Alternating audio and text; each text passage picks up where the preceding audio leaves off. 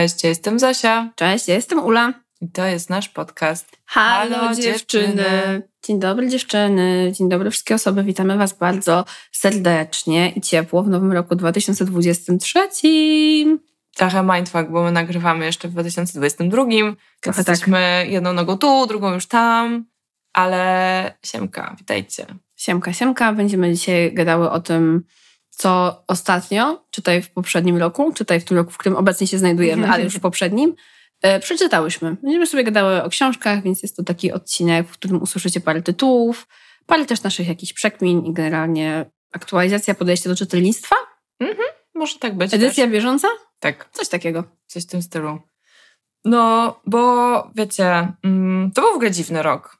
Jest. To był dziwny rok. Jak każdy rok coś tam ma, ale wydaje mi się, że jednak od kiedy wybuchła pandemia, to, to każdy rok jest jakiś taki z dupy. Tak, a w tym roku jeszcze wybuchła wojna. Wybuchła wojna. Więc już w ogóle. To jest główne wydarzenie takie.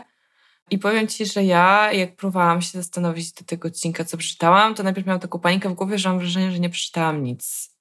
To nie jest prawda, coś tam czytałam, ale że jednak jak na to, ile normalnie czytam, to tego było dużo mniej. Mhm. A wiesz czemu?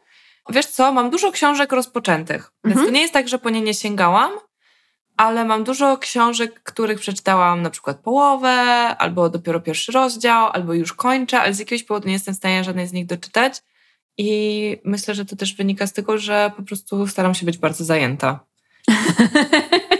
zajęta życiem. Tak, jestem zajęta życiem i jestem często już zbyt zmęczona, żeby czytać wieczorem po prostu.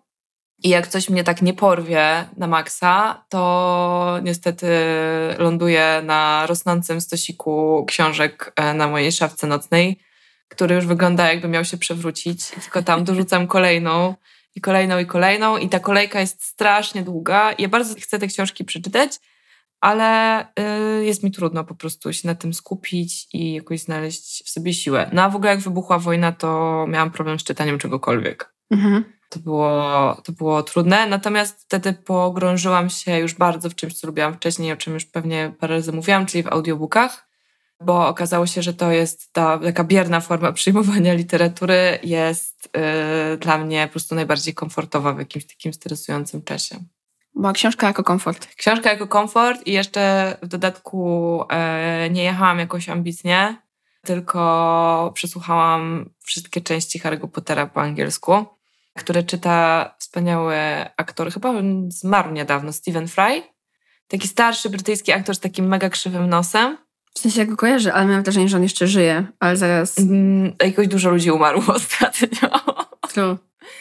W każdym razie... Żyje. Żyje, okej. Okay, sorry Steven, uśmierciłam cię przedwcześnie, bo oglądałam serial, w którym jego postać zginęła i to pewnie okay, dlatego... Sugestia. Nałożyło mi się.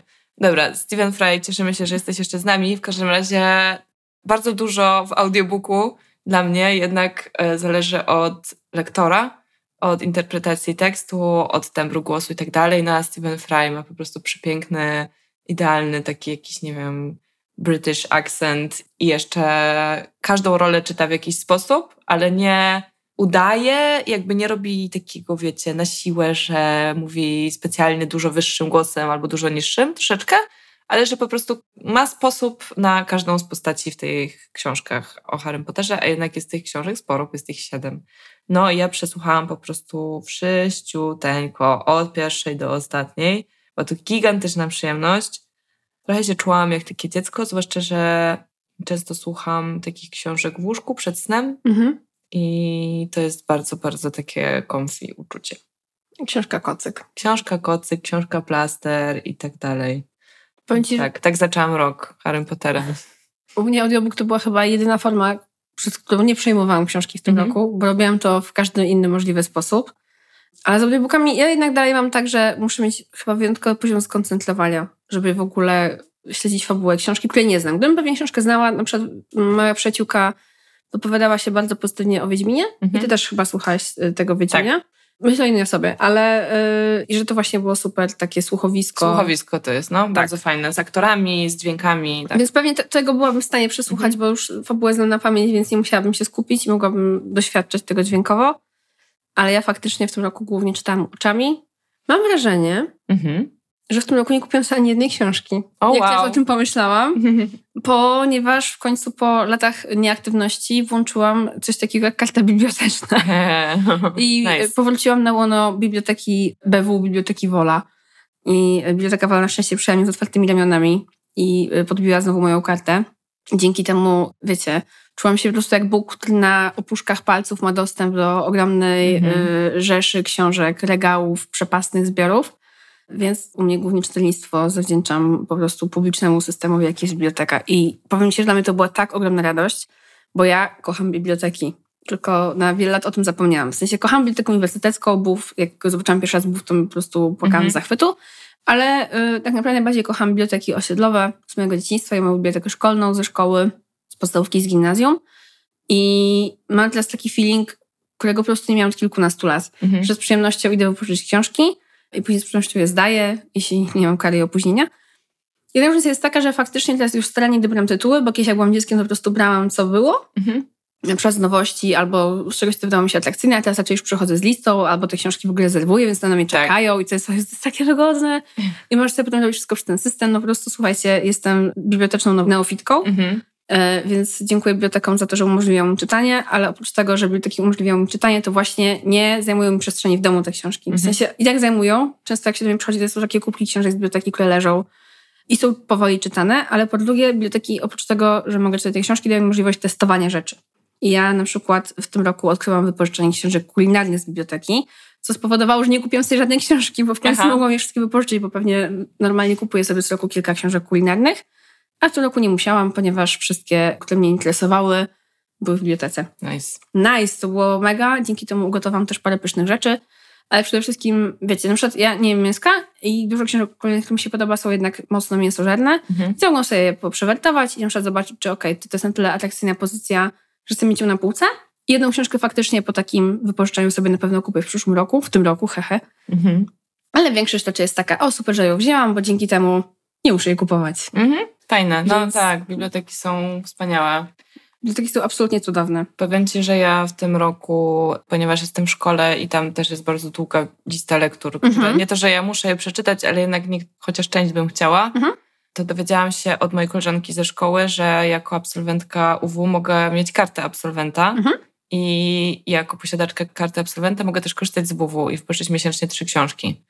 No i to jest super, bo te książki psychologiczne są potwornie drogie, a często też ich nie ma po prostu. To są jakieś białe kruki. Jedna książka, na przykład kupiłam ją na Allegro używaną i tak kosztowała 80 zł, a jest bardzo cienka. To nie Więc są tanie rzeczy. jednak to nie są tanie rzeczy, no i nie będzie mnie, no po prostu nie, nie, nie dam rady sobie kupować nawet po jednej pozycji z każdego działu. Więc tak, no i muszę powiedzieć, że byłam bardzo wzruszona, jak poszłam do WW. Pierwszy raz od pewnie dekady, jak nie dłużej, no Mhm. nie wiem, ile ja mam lat? 32. No to nie, jak miałam 22, to jeszcze bywałam w Buwie, bo ja skończyłam, jak miałam 23 prawie. No nieważne. W każdym razie bardzo to jest piękne miejsce. Mhm. Jedyne, co mnie drażni w Buwie, to, że ono jest po prostu chronione jak lotnisko. I są, kurde, bramki na wejściu i ochrona i trzeba pokazać ten kwit z tą książką, bo oczywiście na pewno studenci chodzą do biblioteki po to, żeby kraść książki. To jest znany fakt. Jakby studenci Co są najgorsi. urodzonymi Mhm. złodziejami Mhm. książek. Mhm.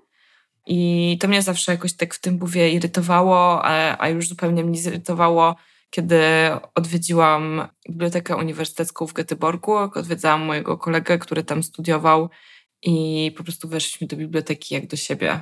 I nawet nie będąc studentką tamtejszej uczelni, mogłabym w tej bibliotece spędzić czas, usiąść w fotelu, poczytać tę książkę, nie mogę jej tylko wypożyczyć, to jest tyle. Ale jakby masz wejść i czuć się jak u siebie w domu I być w czytelni wejść. być w czytelni. No. To jakoś mnie tak w tym buwie po prostu odrzuca ta ochrona. Ilu tam jest? Tam w ogóle czterech tych ochroniarzy stoi na wejściu. Oczywiście trzech gada, jeden stoi. Ale są tam, naprawdę jest ich strasznie dużo, a szatnia była nieczynna. A jeszcze jest wąskie gardło tam. Teraz y, jakby sobie o tym przypomniałam, że jeszcze masz przed Mhm. schodami, więc jeszcze wiesz, że jak już przyjdziesz do ochrony, to jeszcze musisz wejść po tych schodach. Musisz kartę odbić. Tak, tak, no, tak. Wchodząc i wychodząc. O Jezu, ale Bóg to jest coś, co się muszę ogarnąć w tym roku, Ale to są wiem. piętra książek. Tak. Piękny budynek w ogóle i, i czuła jest ta cisza tam i te książki. Ja wiem, że tam zostawiłam jakąś karę albo coś nieopłaconą i chyba czuję, że Boisz się wrócić? ogarnąć w tym roku. Tak, chyba. Mhm. Ale wiem, że miałam amnestię zawsze. Znaczy, Ja już nie mam książek żadnych, a Mhm. żeby nie było. Ja nie kradnę książek z bibliotek. Nie byłam tym studentem. Tylko nie tak, opłaciłaś po prostu. Ale pewnie czegoś nie opłaciłam. Jestem ciekawa, czy oni to anulowali, czy mnie zabiją, jak tam przyjdę. Wypróbujemy, dam wam znać, chyba że macie jakieś protipy. Ale może ktoś z was jest w głowie i powinien co mam robić. Jak sobie zamówisz tą kartę absolwenta, to wiesz, że cię wpuści z powrotem na twojego wulka, możesz się na swojego usosa zalogować tam możesz znaleźć te informacje ewentualnie. Czy masz daną Tylko obiegówkę, ja nie czy wiem, nie. czy ja nie wiem, to jest raz, ale dwa jeszcze pamiętam, ja robiłam jakieś hachmenty z bułem, że tam potem szłam jako prywatna osoba. Nie wiem, nieważne. Okej, okej, dobra. Nie wiem, czy tego nie pamiętam, to było milion lat temu, ale tak, jest doskonały. Ja uwielbiałam tam chodzić, miałam swoje regały, gdzie pisałam ulubione jakieś tam prace, Mhm. Gdzie były książki i tak. Ja wiem, że chyba w Bójmorzu było po prostu jest 12 książek, coś takiego, jakieś takie chole ilości. Tak, ale Ja kara, taka- była, kara za przetrzymanie książki była bardzo wysoka. 25 groszy za dzień No, za książkę. no to, to jest dużo, bo normalnie w bibliotekach jest tak po kilka groszy chyba, czy po 10, no tak nie. W mojej wydziałowej było 50, więc Bów nagle był dobrą ofertą. A. Bów był 50% tańszy. Mi się wydawało, że w Buwie też było 50 groszy. Było 25, a w mojej Okej. wydziałowej było 50. Pamiętam to, bo akurat no, ja byłam czasami Czasami przy, w, momencie sesji zapomniałam oddawać książki i potem Mhm. po prostu płaciłam y, mamoną i krwawicą. Ale tak, biblioteki to jest jedno. No też dostałyśmy w tym roku parę książek do przeczytania, Mhm. ale głównie jedną i to była oczywiście Sally Rooney i nawet Gdzie nagrałyśmy jesteś? odcinek. Piękne świecie. Dokładnie. Więc, y, a w tym roku też wyszedł serial Conversations with Friends, który też w sumie obejrzałyśmy. Ja chyba go nie skończyłam, Ale przeczytałaś książkę. ale przeczytałam książkę Mhm. która była lepsza niż Gdzie jesteś piękny świecie. Dla mnie bardziej mi się Mhm. podobało jakby to. No zobaczymy, tam slajdu nie ma, ma innego. Ale jak już jesteśmy przy slajdu, to u mnie to też był trochę rok czytania powieści napisanych przez kobiety. Tada. Słuchajcie, każdy rok, pierwszy każdy rok spędzony na czytaniu powieści jest lepszy Mhm. niż poprzedni. Ja chyba o tym kiedyś mówiłam, że przez jakiś czas w ogóle nie sięgam po powieści, tylko po jakieś książki poradnikowe albo popularno-naukowe albo coś takiego. I na szczęście w tym roku w ogóle nie. Poleciałam na maksa w powieści i nieważne, czy ta książka była dobra czy niedobra i tak z każdej miałam ogromną przyjemność, bo po prostu powieści to są najlepsze książki. Zgadzam się w 100%. Nie ma nic przyjemniejszego niż czytanie dobrej powieści. Mhm. Naprawdę. No i ile Sally Rooney była czasem przyjemna, czasem nie, to na szczęście były też kilka innych fajnych książek. I mi na przykład nasza przyjaciółka poleciła Sen o Okapi, taką książkę To ja ci poleciłam. Ty mi poleciłaś. Tak. A to ja ją pożyczyłam od naszej przyjaciółki. Ale to była moja książka. Faktycznie, o Boże, to była ta cała historia. Przepraszam. Ale tak było. Faktycznie, bo ktoś inny zabrał tą książkę. Dobra, generalnie Nieważne. his- historia była taka, nie, bo tak, to jest, to jest, dobra, to jest śmieszne. dobra tak, tak, tak. Ja dostałam książkę, która też jest, jest na Tak. mojej liście i bardzo chciałam o niej opowiedzieć, a dostałam tę książkę rok temu na Boże Narodzenie. I ta książka znalazła się w zestawieniu e, magazynu książki Gazety Wyborczej, gdzie jest zawsze bardzo fajna selekcja na koniec roku. I e, Seno Okapi Marianny Leki, Tak. chyba tak się nazywa ta Mariana Lekin. niemiecka autorka, był na tej liście. I ja sobie to zażyczyłam na święta, dostałam, przeczytałam, zachwycona, polecałam wszystkim na prawo i lewo i pożyczyłam to naszej wspólnej koleżance, która jakby poszła za moją rekomendacją. No i jakoś stało się tak, że ta koleżanka to przeczytała i zanim zdążyła mi to oddać, to ją odwiedziła przyjaciółka, która nie pytając o zgodę, po prostu sobie tę książkę pożyczyła i wyjechała do swojego zamiesz- miejsca zamieszkania, którym jest Barcelona. Więc moja książka po prostu zmieniła adres. Pozdrawiam, pewnie jest ci cieplej, książeczko. No jakby dostałam oczywiście tę książkę, została mi odkupiona, jakby wszystko spoko, nie ma tu żadnej spiny. No ale zanim mm, chyba Agnieszka odkupiła tę książkę i pożyczyła ją tobie. Tak, tak, tak. tak, tak. w końcu Ja ona wróciła tobie, do mnie tak, przez tak, tak. ciebie. Tak, no i dlatego ja, ja się pomyliłam, bo pamiętam właśnie od kogo brałam tą książkę, ale faktycznie... Ale to była moja książka. Tak, to była twoja książka. To super, że też chciała się nie pogadać, więc możemy o niej Tak. porozmawiać. Ja, słuchaj, miałam w przedświątecznym szale zakupów. Mhm. Poszłam do takiej małej kameralnej księgarni, z której odbierałam zamówienie prezentowe. I ponieważ to było ostatni tydzień przed świętami, to było tam masa ludzi i ludzie wybrali jakieś książki. Tutaj dużo osób szukało powieści. I ja czekając, aż zostanę obsłużona, zniecierpliwiona, y, zaczęłam rozmawiać z jednym mężczyzną, który szukał jakiejś książki. Mhm. I jakby pani sprzedająca mówiła, a to będzie ostatni egzemplarz, a ktoś już go wziął przed nim. Mhm. I on tak był, widać było, że był w rozpaczy, bo chciał tą książkę, bo dla siostry szukał powieści. I ja tak patrzę na niego, a czemu pan chciał tą powieść? To była anomalia, książka, której jeszcze nie przeczytałam, którą też pożyczyłam, jeszcze Welbecka? nie czytałam. Tak. Nie, Nie, nie Welbecka, tego innego francuskiego pisarza. tak. Dobra, sorry. Nieważne. I ja powiedziałam, a jak to się panu podoba, to wie pan co, pan szuka powieści? Tak. To może pan Sanokapi weźmie. On, pani, a on mówi, a co o tym to jest ten Sanokapi? Mówię, no proszę pana. No i zamówiłam- więc namówiłam tego pana, tak mi się ta książka spodobała, że y, namówiłam No. kogoś na zakup y, świąteczny. Mam nadzieję, że siostra tego pana doceni tą książkę, ponieważ jest to niesamowicie fajna książka. Mhm. Tylko uwaga, będzie płakusianie. W sensie ja Tak. przy niej płakałam więcej niż raz i naprawdę ta książka to jest taka miła, emocjonalna podróż, z drugiej strony jest super napisana, czyta się ją bardzo szybko i przyjemnie i naprawdę wow. Tak, to jest taki bardzo na granicy realizmu magicznego. Bardziej realizmu niż magicznego, ale jednak jest tam taki element magii, takiej bym powiedziała trochę ludowej, ale takiej przaśnej, zwykłej magii. Jakichś takich przesądów, mhm. pluwania za lewe ramię, noszenia jakichś amuletów, tak, ale tak zupełnie na chillu i bez robienia z tego jakiejś wielkiej sprawy. Nie ma tam żadnych czarów, wróżek itd.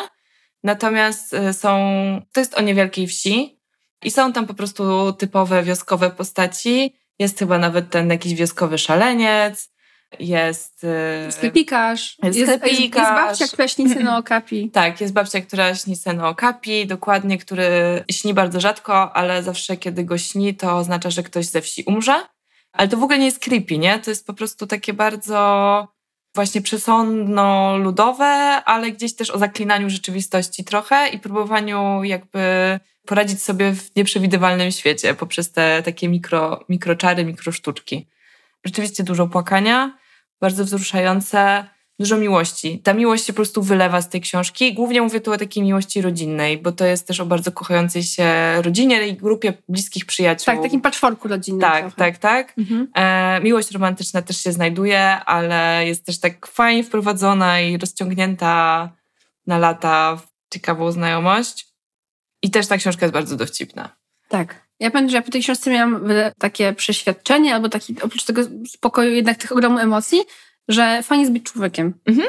Że ona jest taka bardzo, ta książka jest taka proludzka, że jakby życie ludzkie jest fajne, bo możemy wszyscy znać się i kochać. Tak, tak. I to jest moim zdaniem wrażenie, z którym bym często chciała zostawać po mhm. w ogóle obcowaniu z książką albo w ogóle z czymś. Że jest jakby taka, utwierdza mnie w człowieczeństwie. Tak, ta książka jest bardzo o człowieczeństwie i o trosce o drugą osobę mhm. bez względu na to, jaka ta osoba jest. Tak. Bo pamiętasz, tam jest postać tej dziewczyny, która wszystkich i wszystkiego nienawidzi, jest bardzo młoda, ale że jakby była starą kobietą, zamknięta w domu, je jakieś ohydne jedzenie i na początku tej książki główna bohaterka oraz jej najlepszy przyjaciel są dziećmi i właśnie babcia tej głównej bohaterki, ta, ta Selma, która śni ten sen, o Kapi, wysyła ich do, nie pamiętam jak się nazywa ta dziewczyna, Marion, Marian jakoś tak, wysyła ich do niej, żeby ją odwiedzili, bo ona tam siedzi taka sama i coś tam. I on znaczy, że matko, nie chcemy tam iść w ogóle. I ona no, znowu nam każe jeść jakieś obrzydliwe jedzenie i będzie narzekać, ale że jest ta po prostu troska sąsiedzka, że okej, okay, to jest wredna zołza, natomiast nie zostawimy jej samej, bo jest częścią tej społeczności, jakby nie patrzeć i zadbajmy o to, żeby czy na pewno u niej wszystko jest okej. Okay. Zresztą chyba pamiętam, że z biegiem tej książki ta dziewczyna się coraz rzadziej w ogóle z tego domu wychodzi i finalnie to idzie w jakąś taką tragiczną stronę, ale, ale rezultat też jest jakby, okej, okay, jest happy end z tym związany. Nie będę wam więcej spoilować. tak, natomiast, tak dużo. Natomiast rzeczywiście jest tam sporo takich właśnie postaci, które nawet próbują żyć jakoś na marginesie tej społeczności, a ta społeczność i tak właśnie bardzo się o nich troszczy i dba i przyjmuje ich takimi, jacy oni są. Też nie, nie próbuje ich zmieniać na siłę. Tak, to jest na pewno top polecajka na top, rok. Top, totalnie. Ja to jeszcze przeczytałam pod koniec y, zeszłego roku, bo dostałam tę książkę na święta. Prawie zawsze na święta proszę o jakąś powieść, żeby uczytać w tym okresie świątecznym. I w tym roku też dostałam powieść, ale jeszcze jej nie otworzyłam. jeszcze nie, nie jeszcze mi się nie udało. I jakoś nadganiam, tak, zaległości towarzyskie, od kiedy zaczęło się Boże Narodzenie. Też jest super, by the way. Też polecam. Ja jeszcze przeczytałam taką książkę, która nazywała się Sorrow and Bliss. Po mhm. polsku to jest Smutek i Rozkosz. I autorka jest Meg Mason. Autorka jest chyba z Australii, ale książka dzieje się powiedzmy w Wielkiej Brytanii. I trochę we Francji, trochę w Londynie, trochę w Paryżu. Jest to y, lektura, że tak powiem, wakacyjna, bo jak ja byłam na wyjeździe wakacyjnym, to ktoś inny czytał tą książkę. Powiedział, że spoko, więc ja zaczęłam, dobra, no to sobie wrócę ją przeczytam. No i to jest taka właśnie miła, fajna, znaczy miła. Nie wiem, czy miłe to jest w sumie właściwe słowo, którego użyłam. Ale spokojna, fajna powieść, mhm. właśnie pisana przez kobietę, o trochę takim dojrzewaniu, o układaniu sobie relacji z ludźmi. Więc jeżeli na przykład lubicie właśnie te książki Sally Rooney, to myślę, że to też wam podejdzie, bo, bo jest o takiej wieloletniej relacji dwóch ludzi, która się mhm. po prostu zmienia. Też, też oni są osadzeni w kontekście rodziny i tych swoich znajomych. Też tam, też tam jest dużo bardzo czułych rzeczy rodzinnych, mhm. ale jest na pewno taka po prostu, powiedzmy, kobieca, najpierw dziewczyńska, a potem kobieca perspektywa na życie. Okej. Okay. Okay. Więc, więc to mogę zarekomendować. No jest jeszcze jedna autorka, którą wiem, że ty czytałaś jedną książkę, ja czytam inną książkę, czy jest John Didion. John Didion, tak. John Didion, nie wiem, jak to się wymawia w sumie, bo bardziej po amerykańsku, czy bardziej po francusku. Ona jest Kalifornijką. Jest tak, była, bo ona umarła. Ona umarła. I z tego powodu, że umarła, wyszło dużo książek na polskim rynku Tak. czytelniczym, wydawniczym. Tak.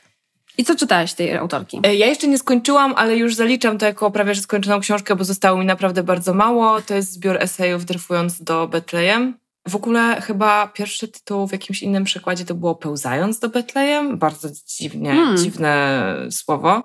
No i jestem zachwycona absolutnie tym zbiorem esejów i tą autorką i nie mogę się doczekać, żeby czytać inne jej książki. Właśnie zrobiła taką rekomendację, zanim nagrywałyśmy odcinek, że ja patrzyłam w katalogu biblioteki, czy ta książka jest. Aha, Jest jej nie ma, ale na pewno jakoś inaczej ją znajdę. myślę, że to jest popularna książka, ale to jest książka, o której rozmawiałam z moją przyjaciółką Agatą i obydwie, znaczy Agata powiedziała, miała to samo przemyślenie co ja, czyli po prostu czytała tę książkę i mózg jej rozwalało. No ta kobieta po prostu, ta autorka miała niesamowity dar patrzenia na świat i obserwowania go. Sama o sobie mówiła, że była bardzo nieśmiałą osobą, co na dziennikarkę, reportażystkę to może być uznawane jako wada, ale ona uznawała to też jako jednak zaletę, bo ona po prostu znikała Mhm. i rozmówcy przy niej się czuli swobodnie, bo ona się nie narzucała w żaden sposób, tylko zostawiała im bardzo dużo przestrzeni. Więc e, widać to też w tej, ty, przynajmniej w tym, co czytałam do tej pory. Może muszę porównać z innymi książkami. A ty, którą czytałaś? Ja czytałam Rok Magicznego Myślenia Mhm. i to jest bardzo niemagiczna książka, Mhm. bo autorka wydaje ją na początku lat 2000 na podstawie swoich zapisków i dzienników, które dotyczyły jednego, jednego bardzo ciężkiego roku, w którym jej córka była w szpitalu, a jej mąż umarł. Mhm. I jest to jakaś próba poradzenia sobie z tym bólem właśnie poprzez pisanie. Więc przy tej książce też jest płakusienie. Ale też jest taki... Mm, ja miałam takie odczucie, że z jednej strony to jest okropne, że po prostu człowiekowi się może tyle złych rzeczy przydarzyć w tak krótkim czasie, ale z drugiej strony no to jest pewnie świetna książka dla osób, które mają większy kontakt jednak z żałobą niż ja, Mhm. bo, bo to jest stan, którym ja nie byłam za, nigdy za bardzo blisko. Wydaje mi się, że takie osoby mogą z niej więcej wyciągnąć, ale i tak z niej wyciągnąć coś dla siebie właśnie o takiej też niezłomności tej osoby. Yy, ja nie mam pojęcia, jak bym sobie poradziła w tej sytuacji, ale oglądanie zapisków i też tego, jak jakby ta książka jest bardzo cienka, już się dosyć szybko czyta. Jak ewoluuje to patrzenie i właśnie jakie szczegóły w sytuacjach kryzysowych zapamiętujemy, a jakie nie, jak bardzo nam, nasz mózg płata nam figle tak naprawdę i no jest to po prostu ciekawe. Jest ciekawe studium na pewno właśnie żałoby i tego, Straty. jak się odnaleźć Mhm. po stracie. Mhm. Więc, y, więc jest super. Niestety czytam dużo, y, dużą część tej książki czytałam w warunkach lekarsko-szpitalnych, tak, Mhm. czekając w różnych kolejkach do różnych specjalistów, więc jeszcze byłam taka, Jezus. Czy Nie. wyjdę stąd żywa? Tak, ale ja generalnie popełniłam już ten błąd jeszcze raz w tym roku, bo dużo też czytam taką inną książkę, na odchodzę do tych pisarek kobiecych, do których chcę wrócić, bo czytam dużo w warunkach właśnie mm, NFZ-owskich książki. To jest jedna książka, którą zaczęłam czytać w tym roku i teraz jej nie skończyłam. Nie wiem, czy to w ogóle jeszcze nie zaczęłam jej w zeszłym roku czytać. Książka nazywa się Cesarz Wszech Chorób. To jest biografia raka. Mhm. Ja przeczytam chyba z 85% tej książki, czytam ją na czytniku. Już czytam ją i fizycznie, na czytniku i jakby... No super jest ta książka, ale jak się jednak czyta o tym, jak wyglądała ta medycyna i jak wygląda ta okropna choroba, jaką jest nowotwór i jak to badamy, jak to... No, niesamowita jest ta książka. Jeżeli lubicie dobrze napisane książki o medycynie, ale on, ta książka jest napisana prawie jak powieść. W sensie naprawdę czyta się ją świetnie, no ale materia tematu jest tak ciężka dla mnie, że ja musiałam sobie robić przerwę. Że po prostu te opisy jednak y, tych różnych rodzajów chorób i tego wiecie, jakby jakie było eksperymentowanie ludziach 100 lat temu, żeby znaleźć rozwiązanie albo szukać leku jest po prostu y, dogłębnie smutne. Bardzo potrzebne, ale dogłębnie smutne. E, Mhm. To tak. A wracając do kobiet i do pisarek, to jest jeszcze jedna książka, o której ja chciałam powiedzieć. W ogóle chciałam o tym z tobą porozmawiać tak już ogólnie w tym Mhm. kontekście. Książka, y, autorka y, nazywa się, ma piękne imię, Otessa Moszwek. Okej. Odessa mi się bardzo podobało to imię. Brzmi jak Mhm. Odessa, ale ślicznie. Generalnie książka nazywa się Mój rok relaksu i odpoczynku. Mhm. Teraz chyba na seansze dramatycznym była sztuka. Yy, zaczęła być w tym sezonie tak, sztuka na podstawie tej książki. Czy czytałaś tę książkę? Nie. Nie, ja tylko słyszałam, o czym ona jest. Tak, no to książka brzmi trochę jak Rok Magicznego Myślenia, nie jest magicznym myśleniu, to Rok relaksu i odpoczynku jest o tym, że główna bohaterka zaopatruje się w tak ogromną ilość psychotropów i prochów od specjalistów, żeby przespać cały rok. Mhm. nie dealować z życiem. Nie jest to do końca możliwe, ale o tym jest książka. Ja tyle o tej książce wiedziałam, zanim do niej podeszłam. I powiem Ci, że ja zaczęłam się zastanawiać, czy po tej lekturze tej książki i po tym, jakie tam są przedstawione wątki postaci, czy książki powinny mieć coś takiego jak trigger warning. Mhm. Chyba już rozmawiałyśmy o tym. Tak, raz, rozmawialiśmy o tym raz prywatnie, ale właśnie Mhm. y, jestem bardzo też ciekawa, co sądzisz Ty i Mhm. może też co sądzą potem nasze słuchaczki i nasi słuchacze. Bo ja tę książkę poleciłam mojej przyjaciółce, ale właśnie dałam jej Mhm. odpowiedni trigger warning wcześniej, bo moim zdaniem, kiedy no łatwo się na tej książce przyjechać. Ona jest bardzo niedelikatnie napisana, tam się pojawia dużo rzeczy właśnie związanych z czy zaburzeniami odżywiania, czy generalnie wszystkie postaci są antypatyczne w tej książce, Mhm. moim zdaniem. I ciężko jest się z kimkolwiek identyfikować, co jest wymagane do czytania książki, ani do cieszenia się z niej. No ale książka była jakaś tak przygnębiająca i antypatyczna właśnie i, i ciężka, że aż byłam taka, o Jezus, też jest cienka, ale byłam taka, czytam ją dość Długo? długo i męcząco, tak. Mhm. W sensie też miałam przerwę, też jest napisana raz lepiej, raz gorzej, ale tak. Ja uważam, że nie. Sorry, ale dla mnie sztuka jest sztuką i jakby wiesz, cały świat może być triggerem dla każdego. Każdy ma jakieś rzeczy, które mogą go striggerować. Ja na przykład byłam striggerowana słuchając rozmowy dwóch osób kilka miesięcy temu i jedyne, co mogłam zrobić dla siebie w tej sytuacji, to po prostu wyjść, Wyjść. z pomieszczenia, żeby tego nie słuchać. Nikt mnie nie pytał, czy ja chcę słuchać na taki temat i myślę, że ze sztuką trochę jest podobnie, a też zakładam, że odpowiedzialność jednak jest na odbiorcy bardziej Mhm. niż na twórcy, w tym sensie, że ja trochę jednak jakby też czytam różne książki czy oglądam różne filmy, rzadko z przypadku. Raczej jest tak, że sprawdzam o czym to jest i czy mnie to będzie interesowało i bardzo często rezygnuję z obejrzenia jakiegoś filmu po przeczytaniu opisu Mhm. bo na przykład właśnie nie jestem w nastroju, tak? I może niekoniecznie to jest dzień, kiedy chcę oglądać film o obozie koncentracyjnym. Wydaje mi się, że jednak trochę na, na nas, odbiorcach, jest to, aby po prostu świadomie konsumować rzeczy. Wiadomo, że czasem możemy się naciąć, na przykład zwiastuny w Polsce, tak. czy w ogóle na świecie, Tak. ale, na, ale, Ale w Polsce w ale szczególności. oglądam w Polsce zwiastuny, więc, więc jakby to znam najlepiej. Bardzo często przedstawiają film jako coś zupełnie, jako jakieś zupełnie inne dzieło, na przykład e, jako komedię Mhm. w momencie, kiedy to zupełnie komedią nie jest. No po prostu dla mnie flagowym przykładem jest film e, Osterlunda Turysta, który, okej, on jest satyryczny, ale ja bym powiedziała, że tej komedii to tam, tam jest bardzo dużo dramy i też bardzo dużo ciężkich takich rodzinnych tematów. I jakby satyra owszem, ale wesołości tam nie ma. Jakby nie wyjdziesz z tego filmu raczej pocieszona Rozchwilona. kondycją ludzką. Więc tak, więc moje zdanie jest takie, że życie jest ciężkie, świat jest skomplikowany i ciężko jest. Dla mnie, dla mnie to jest nierealne, żeby wszystkich uprzedzać, że ta książka może, albo ten film może zawierać jakieś tam treści. Zresztą to już się pojawia, tak czy inaczej. Na początku seriali na przykład zauważyłam, tak? Zwłaszcza seriali, które potencjalnie mogłaby chcieć oglądać młodzież. Nie wiem, czy widziałaś 30 Reasons Why? Mm. To jest serial, to jest tak, serial o samobójstwie. Tak, no i generalnie każdy odcinek jest poprzedzony, z tego co pamiętam, taką planszą z informacją, że jeżeli borykasz się z jakimiś tam problemami, w ogóle chyba stworzono specjalną platformę wokół tego serialu, jakby, na, czy nie wiem, ten serial był inspiracją do tego, żeby jednocześnie stworzyć platformę, gdzie możesz się zgłosić po pomoc Mhm. pewnie w Stanach, nie? Ale, ale ogólnie są informacje dotyczące tego, że będą jakieś tam światła migające, co jeżeli masz na przykład problemy typu padaczka, to może ci to zaszkodzić. I też zaczęły się pojawiać takie informacje, że na przykład będą sceny samookaleczania się albo gwałtu, albo właśnie związane z zaburzeniami odżywiania.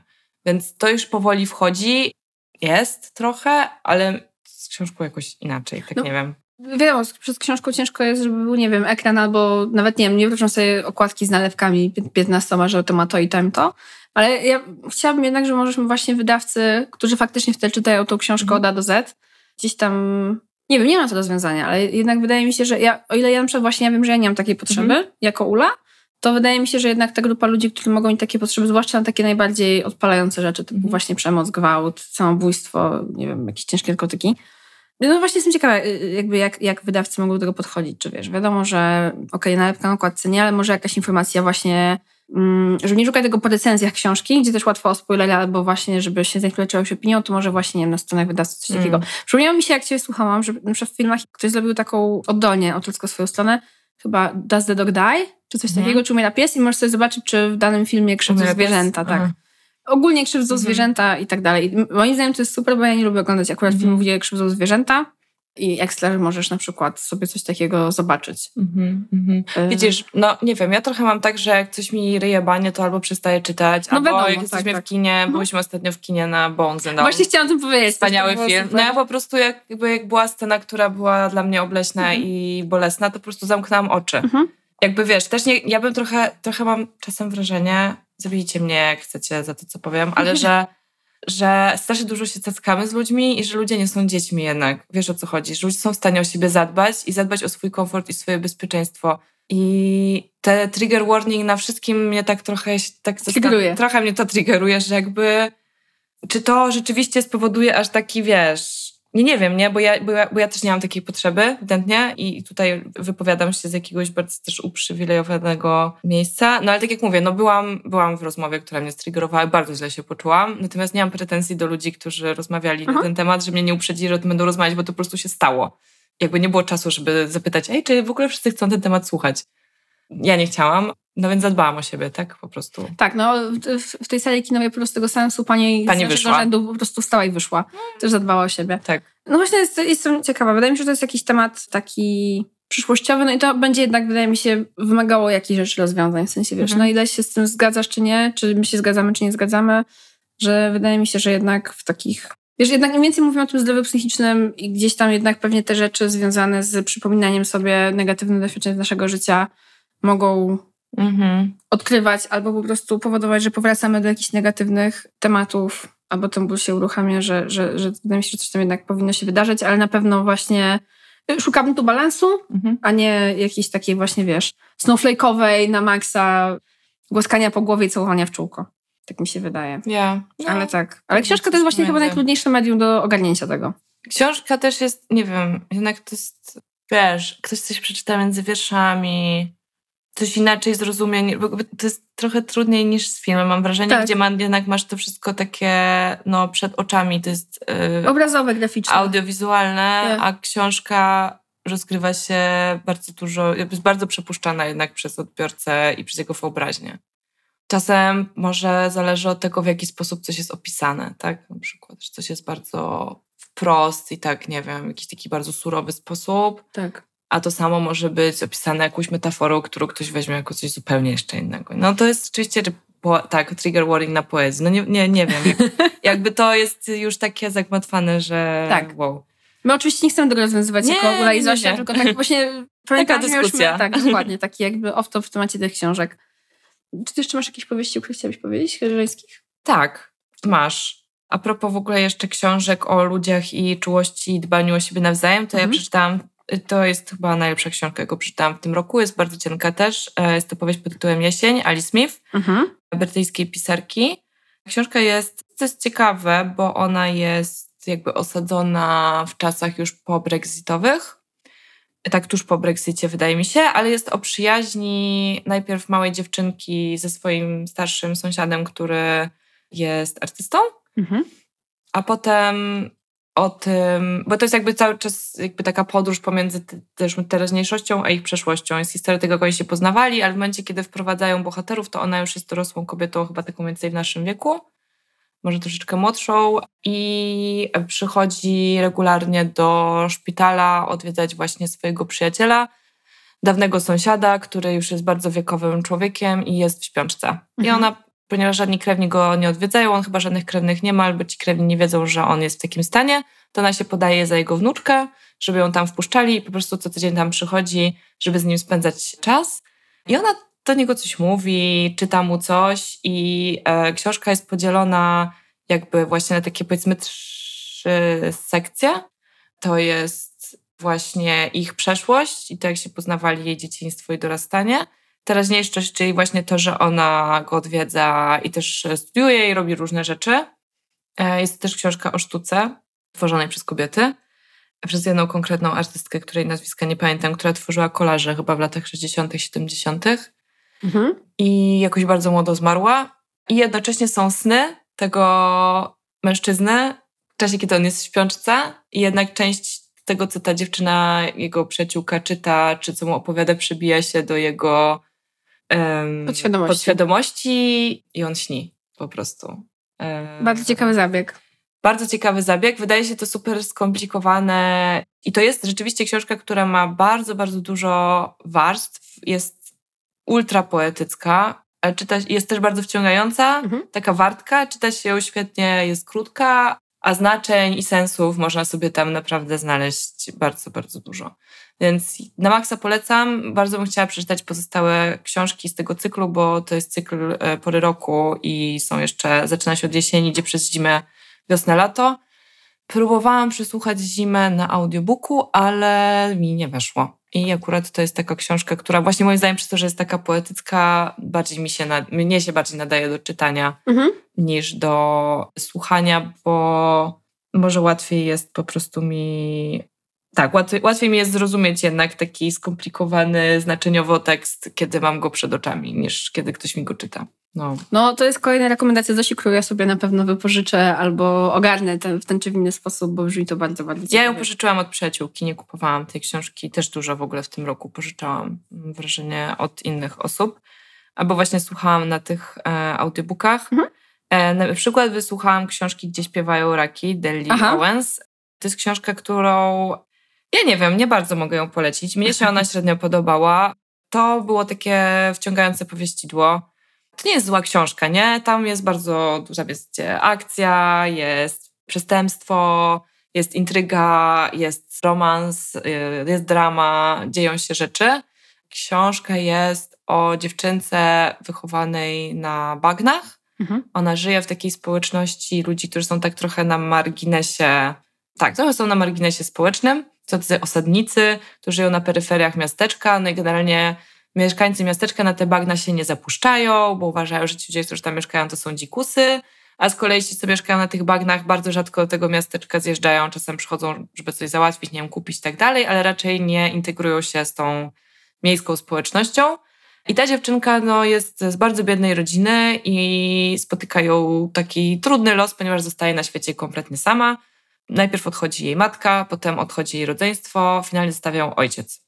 I ona e, nie chce iść do szkoły, bo tam trafia na jeden dzień, ale z tej szkoły ucieka i stwierdza, że nigdy więcej tam nie wróci, bo te dzieci z miasteczka się z niej śmieją, że ona jest dziewczynką z bagien. I ona postanawia, że sama sobie jakoś poradzi. No i faktycznie sobie radzi. I sobie ją obserwujemy do takich czasów nastoletnich. No i oczywiście wydarza się lowe, ale też się wydarzają komplikacje z tym związane i potem gigadrama. No i powiem wam, że ta książka dla mnie była bardzo interesująca, dopóki nie wjechał ten romans. Póki nie było lawy, było spoko.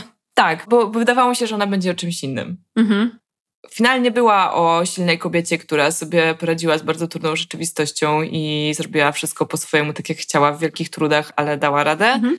Natomiast jednak strasznie to było zdeterminowane przez tych e, mężczyzn, którzy się w jej życiu pojawiali, a jakby ona była silna i radząca sobie, ale też przez to, że była przez wszystkich opuszczona, no to była taka bardzo lękliwa i taka mega delikatna i oni ją tak postrzegali i tak ją traktowali. Nimfa z bagien. Było trochę tak, nimfa.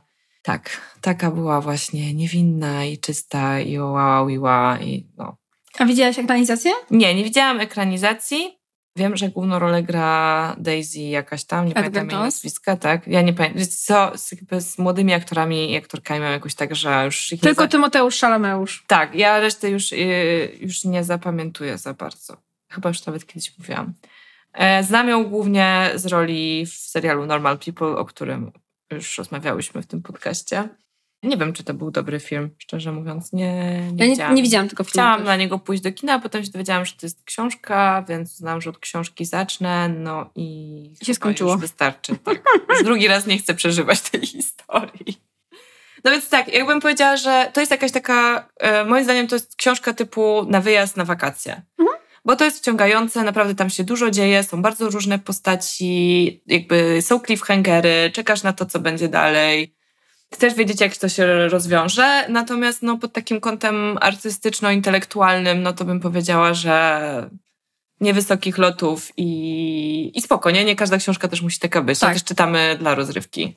Tak. Bardzo często. A mi się akurat po prostu uważam, że mogło to być lepsze, że to miało potencjał na lepszą książkę. Mhm. Po prostu. Niespełniony. No. Ale może komuś się super podobało i ekstra, nie? Książki są nie. Dla różnych ludzi. Wszystkie są książki dla każdego. Tak. Ja też mogę powiedzieć o książce, a nawet serii książek, które w tym roku przeczytałam i niekoniecznie je polecam, ale przeczytam do końca, bo jednak trochę się nie mogą oderwać. I y, pan autor nazywa się Lew Grossman i pisze taką fantastykę, mhm. powiedzmy. To była trylogia o czarodziejach. Pierwsza książka nazywa się chyba Czarodzieje, potem są dwie kolejne. I to był mój powrót do czytania takiej fantastyki, trochę young adult, trochę po prostu, mhm. wiecie, magiczne rzeczy. Bo ja czytam tego dużo w czasach podstawówki gimnazjum, potem przestałam. No i ten powrót, słuchajcie, był niestety trochę bolesny. Mhm. Bo mimo tego, że ta książka kreowała dla mnie niesamowicie ciekawy świat, to kojarzycie może filmy Kasi Babis o tym, jak ona czyta te wszystkie ahaje i tak dalej. Tak. Analizuje też polski, polską fantastykę. Dziady polskie. Tak, no to mhm. wyobraźcie sobie, że to jest taki dziad zagraniczny, ale trochę taki lepiej ubrany. I jednak widzicie, jak jest traktowana ta główna postać kobieca, ziomek nazywa się Quentin, dobrze nie Tarantino i chyba nie jest stópkarzem, albo jakieś ma swoje inne przyzwyczajenia. Nie szejmujmy stópkarzy. Nie szejmujemy stópkarzy. A ja trochę szejmuję Quentin Tarantino. No dobra. No, Ale tak czy siak, tak czy siak ten Quentin jest po prostu, wiecie, egzaltowanym młodzieńcem, który myśli, że jego problemy są największe na świecie i, i to jest spoko. Ale to jak on traktuje te kobiety i tak jak te kobiety są zapisane, ja byłam taka, czytam tą książkę, byłam taka, kurwa. Jakby. po pierwsze, ja wiem, ile tylko takiej toksyny po prostu wciągałam w siebie w tych czasach właśnie gimnazjalno-podstawówkowych i mhm. jakby co ja miałam w głowie. A z drugiej strony po prostu wow, czyli w tym gatunku nie chcę powiedzieć, że nic się nie zmienia, bo na pewno ta książka była lepiej napisana niż te wszystkie ahaje.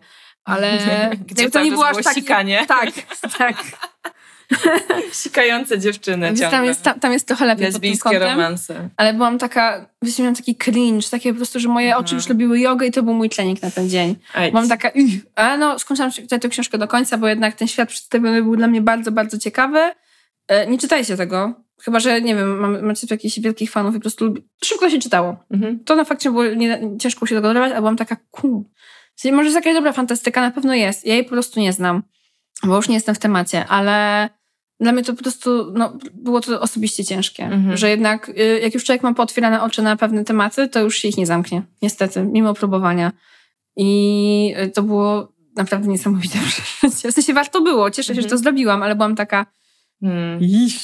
Ja sobie też trochę poczytałam fantastyki, ale wróciłam do starego, dobrego Wiedźmina bo raz na jakiś czas sobie lubię odświeżyć. Nie czytam wszystkiego, tylko tak sobie powybierałam różne... Selektywnie. Tak. I wiesz co, nawet tej piątej części to nie doczytałam do końca, bo ja tam już nie lubię końcówki tej piątej mhm. części, ona już mnie nie interesuje, ale lubię to, jak Ciri podróżuje przez te różne światy, próbuje wrócić do swojego i natrafia na, na różne osoby.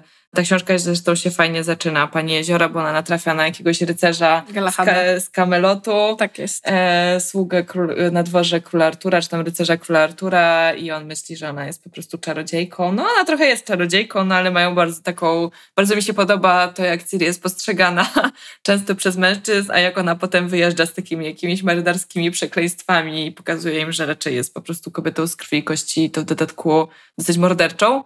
Ciri jest fajną postacią generalnie. I mam olbrzymi sentyment do książek Andrzeja Sapkowskiego, do całej tej wiedźmińskiej sagi oraz przyległości. Po prostu dlatego, że czytałam to, jak, jak byłam nastolatką.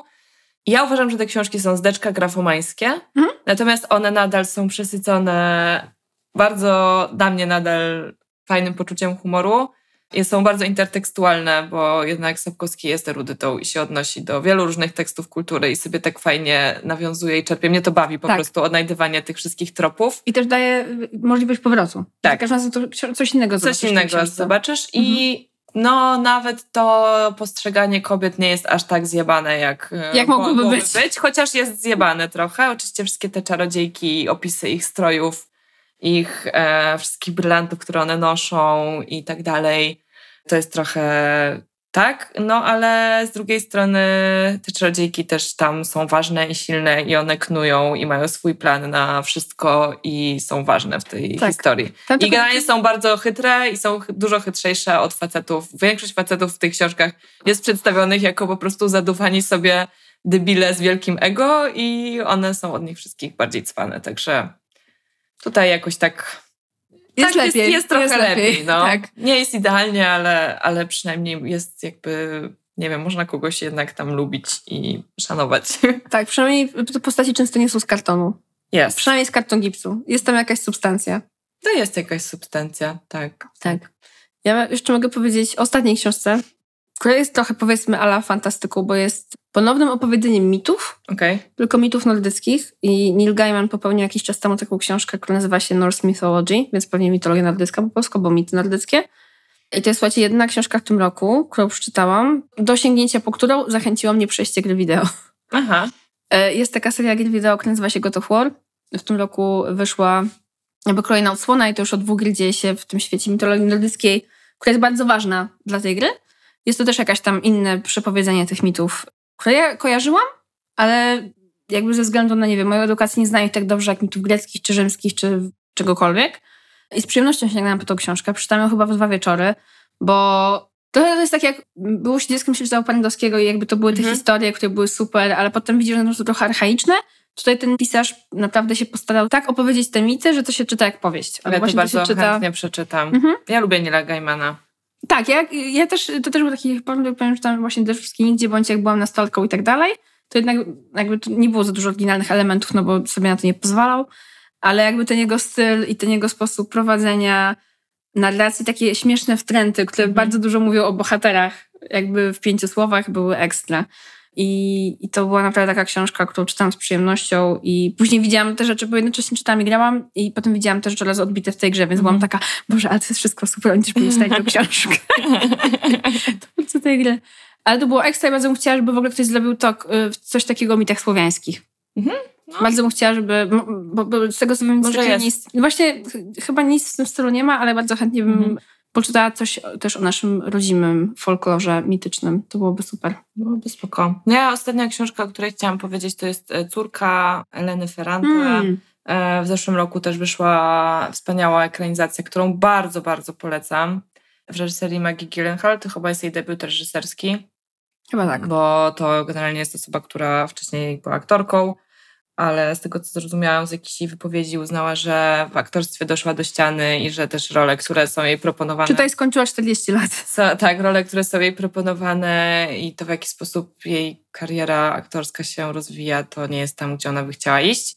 Więc stanęła po drugiej stronie kamery z moim zdaniem niesamowitym rezultatem, Ponoć też Elena Ferrante, która jest oczywiście tajemniczą pisarką i nikt nie wie, kim jest naprawdę i czy to jest jej prawdziwe imię, nazwisko, czy jakiś pseudonim, czy to jest mężczyzna. Znaczy to jest kobieta na 100%, ale są jeszcze takie teorie, że może to jest mężczyzna w ogóle.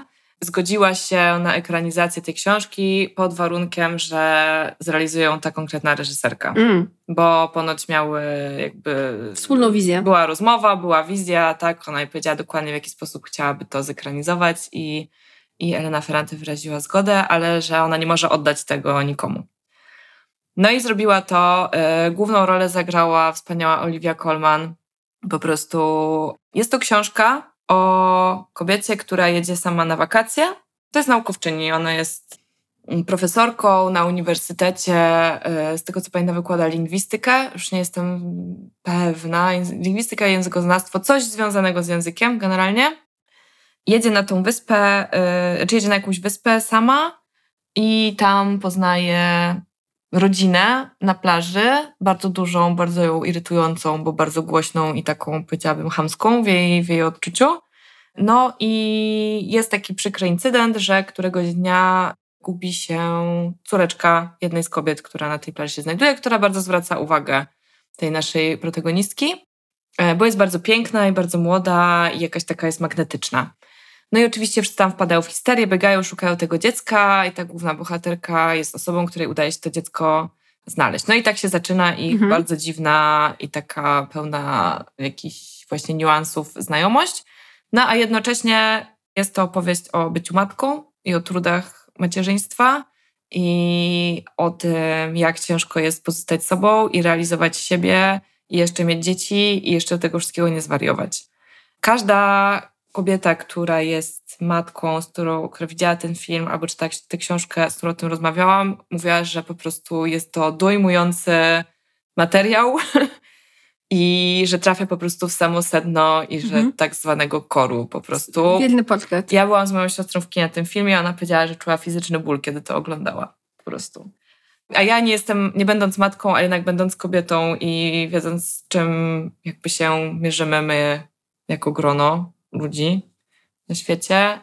Jakby też czułam tę walkę i tą niesprawiedliwość, że dla nas, właśnie nawet o tym gadałyśmy dzisiaj przed rozpoczęciem nagrywania, że jednak jako kobiety mamy bardzo pod górkę na prawie że każdym polu w życiu i szukanie rozwiązania, jak sobie to wszystko ułożyć i, i ogarnąć, Też nie ma rozwiązania na razie, mhm. nadal, mimo że Jest jesteśmy, tylko szukanie. Tak, nadal, nadal jesteśmy w szukaniu, no i ta protagonistka też szukała sposobu na siebie, który po prostu niestety musiał polegać na tym, że ktoś ucierpi i w tym wypadku były to jej dzieci. No, więc tylko tyle, mm, żeby wam więcej nie spoilować, natomiast ja tę książkę wysłuchałam, ona jest cieniutka, ta książka, ja też ją wysłuchałam na audiobooku w trakcie wakacji, już byłam po obejrzeniu filmu, natomiast no, film jest bardzo wierną ekranizacją, tam się chyba nie zgadzają jakieś rzeczy typu kraj, w którym ona się znajduje. Detale. Tak, totalnie to jest nieistotne dla wydźwięku tej historii. Sens jest ten sam. Bardzo polecam, znaczy ja polecam prawie, że wszystko Elenę Ferrante. Chyba była jedna jej książka, którą przeczytałam, która mi się nie podobała, to była Obsesyjna Miłość. Widać, że coś tam jest bardzo na rzeczy u tej autorki w relacji matka-córka i że e, sama chyba swoje macierzyństwo ciężko zniosła oraz, że relacja z jej matką też była niełatwa, bo to się we wszystkich, wszystkich powieściach przewija. Z leitmotivem. No. Ja sięgnę na pewno po tą książkę i po inne książki Eleny Ferrante. Mm-hmm. Bo Ula dostała na urodziny ode tak mnie całą serię całą neapolitańską. No, seria neapolitańska, tak. można to nazwać, tak. tak Genialna się... przyjaciółka and company. Dokładnie. And Lasers. Tak. E, ja potem obejrzę serial, bo chcę obejrzeć też serial. No, serial też jest przyszły rok, przyszły rok będzie rokiem, znaczy ten rok, haha, 2026 będzie rokiem Eleny. Wam życzymy udanego roku czytelniczego, audiobookicznego i w ogóle konsumpcyjnego mediów. Yeah. Świadomie z radością i spokoju i sobie też życzę dobrego roku. Tak jest. A jeżeli na przykład jakieś książki Wam się szczególnie spodobały albo macie coś do polecenia, co koniecznie musimy przeczytać, to chętnie przyjmiemy te wszystkie sugestie na halodziewczynymałpa.gmail.com Możecie też pisać do nas na Instagramie bądź Facebooku. Będzie nam również bardzo miło, jeżeli e, zostawicie nam jakąś recenzję na Spotify'u czy iTunesie lub po prostu polecicie ten odcinek komuś, komu mógłby się spodobać. Tak jest. A my tymczasem kontynuujemy naszą egzystencję i słyszymy się dwa tygodnie. Trzymajcie się, pa pa! Pa pa!